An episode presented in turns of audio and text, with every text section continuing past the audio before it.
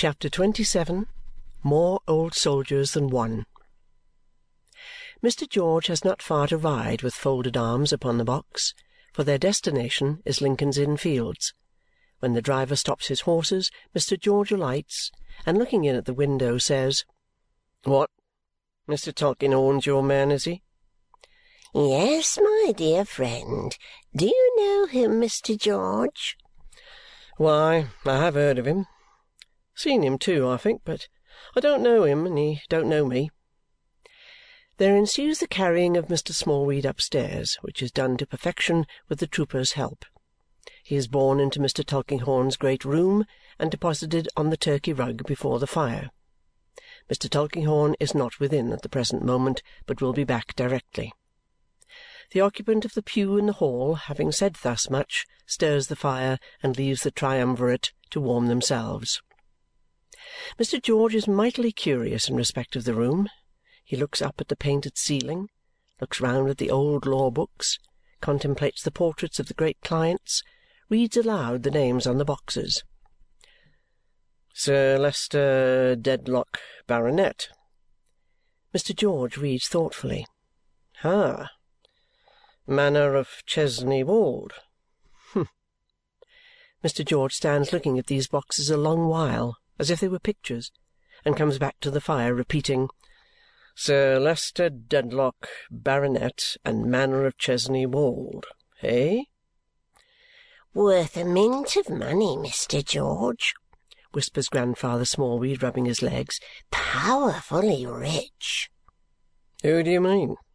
This old gentleman or the baronet? This gentleman, this gentleman. So I have heard, and knows a thing or two, I'll hold a wager. Not bad quarters either, says Mr. George, looking round again.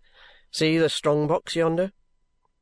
This reply is cut short by Mr. Tulkinghorn's arrival.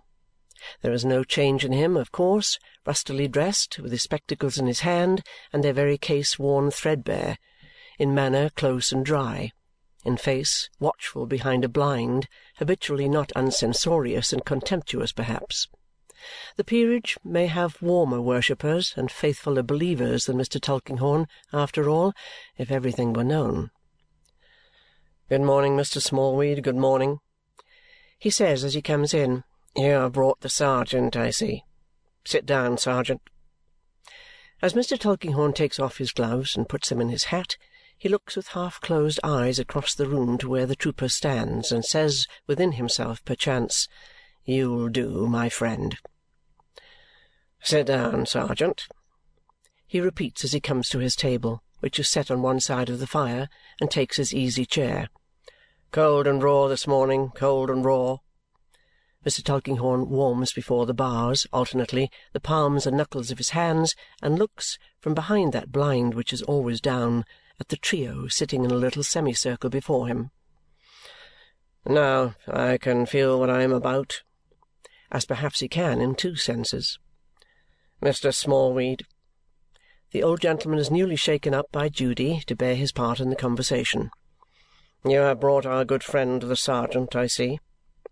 Yes, sir, returns Mr. Smallweed, very servile to the lawyer's wealth and influence. And what does the sergeant say about this business?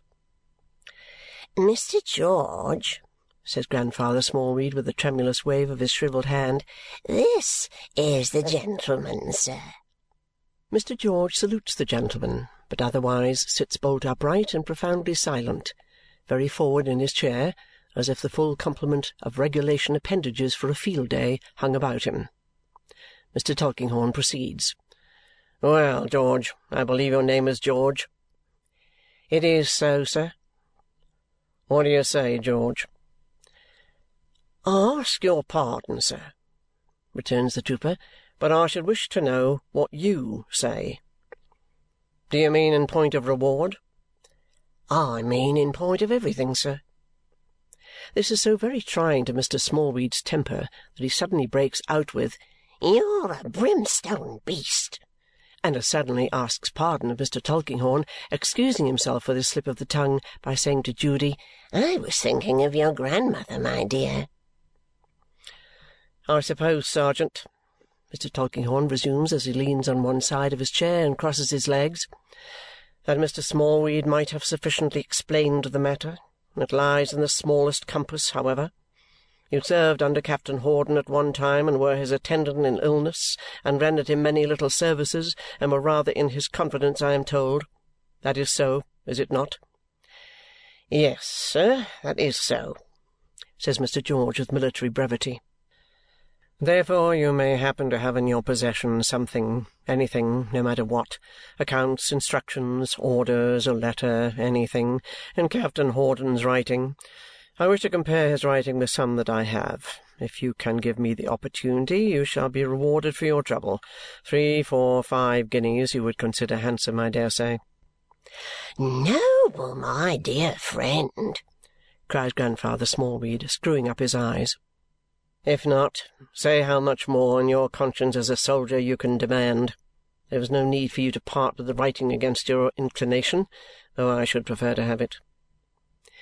Mr. George sits squared in exactly the same attitude, looks at the painted ceiling, and says never a word. The irascible Mr. Smallweed scratches the air.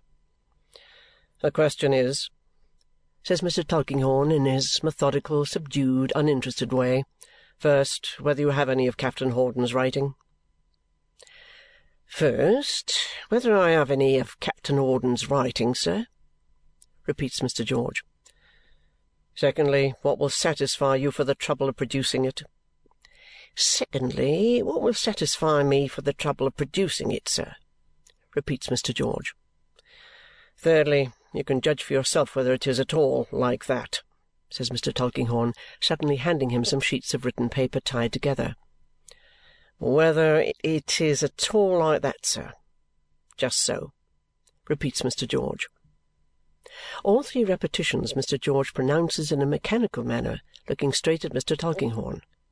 Nor does he so much as glance at the affidavit in Jarndyce and Jarndyce that has been given to him for his inspection, though he still holds it in his hand, but continues to look at the lawyer with an air of troubled meditation. "Well," says Mr. Tulkinghorn, "what do you say?" "Well, sir," replies Mr. George, rising erect and looking immense, "I would rather, if you'll excuse me, have nothing to do with this." Mr. Tulkinghorn, outwardly quite undisturbed, demands, "Why not?" "Why, sir," returns the trooper, Except on military compulsion, I am not a man of business. Among civilians I am what they call in Scotland a ne'er do weel. I have no head for papers, sir. I can stand any fire better than a fire of cross questions. I mentioned to Mr. Smallweed only an hour or so ago that when I come into things of this kind I feel as if I was being smothered, and that is my sensation," says Mr. George, looking round upon the company, "at the present moment. With that he takes three strides forward to replace the papers on the lawyer's table and three strides backward to resume his former station, where he stands perfectly upright, now looking at the ground and now at the painted ceiling, with his hands behind him as if to prevent himself from accepting any other document whatever. Under this provocation, Mr. Smallweed's favourite adjective of disparagement is so close to his tongue that he begins the words, "My dear friend," with the monosyllable "Brim," thus converting the possessive pronoun into Brimmy and appearing to have an impediment in his speech. Once past this difficulty, however, he exhorts his dear friend in the tenderest manner not to be rash, but to do what so eminent a gentleman requires, and to do it with a good grace, confident that it must be unobjectionable as well as profitable.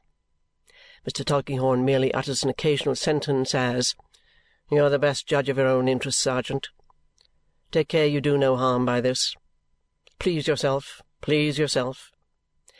If you know what you mean, that's quite enough." These he utters with an appearance of perfect indifference as he looks over the papers on his table and prepares to write a letter. Mr. George looks distrustfully from the painted ceiling to the ground, from the ground to Mr. Smallweed, from Mr. Smallweed to Mr. Tulkinghorn, and from Mr. Tulkinghorn to the painted ceiling again often in his perplexity changing the leg on which he rests. "I do assure you, sir," says Mr. George, "not to say it offensively, that between you and Mr. Smallweed here, I really am being smothered fifty times over. I really am, sir. I'm not a match for you gentlemen. Will you allow me to ask why you want to see the captain's hand, in the case that I could find any specimen of it?"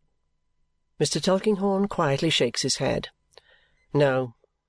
If you are a man of business, sergeant, you would not need to be informed that there are confidential reasons, very harmless in themselves, for many such wants in the profession to which I belong.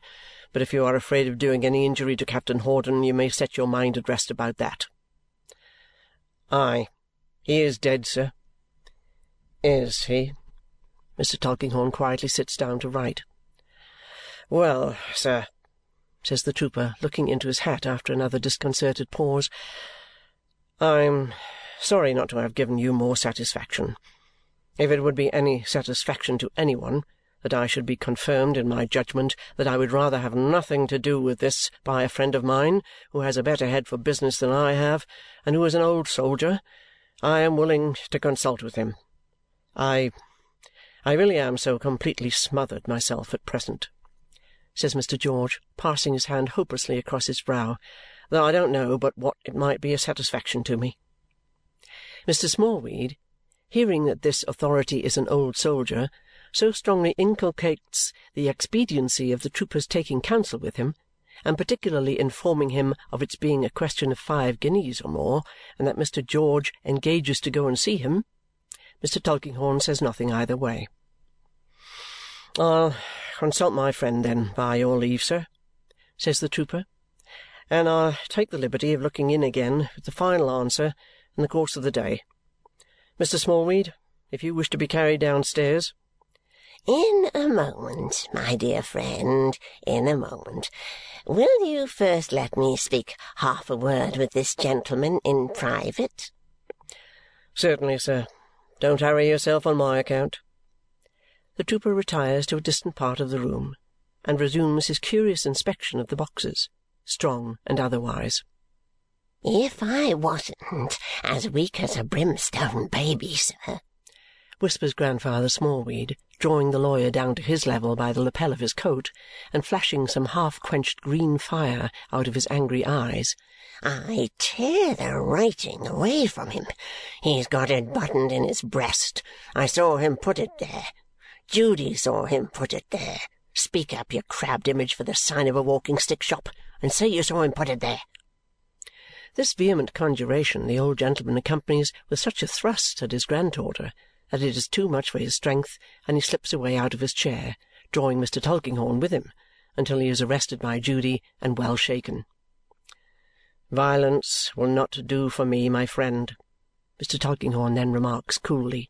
"No, no, I know, I know, sir, but it's chafing and galling. It's worse than your smattering, chattering magpie of a grandmother," to the imperturbable Judy who only looks at the fire, "to know he has got what's wanted and won't give it up.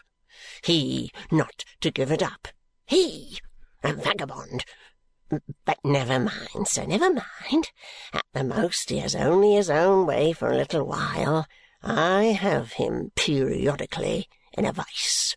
I'll twist him, sir. I'll screw him, sir. And if he won't do it with a good grace, I'll make him do it with a bad one, sir. Now, my dear Mr. George," says Grandfather Smallweed, winking at the lawyer hideously as he releases him, "I am ready for your kind assistance, my excellent friend." Mr. Tulkinghorn, with some shadowy sign of amusement manifesting itself through his self-possession, stands on the hearth-rug with his back to the fire, watching the disappearance of Mr. Smallweed and acknowledging the trooper's parting salute with one slight nod.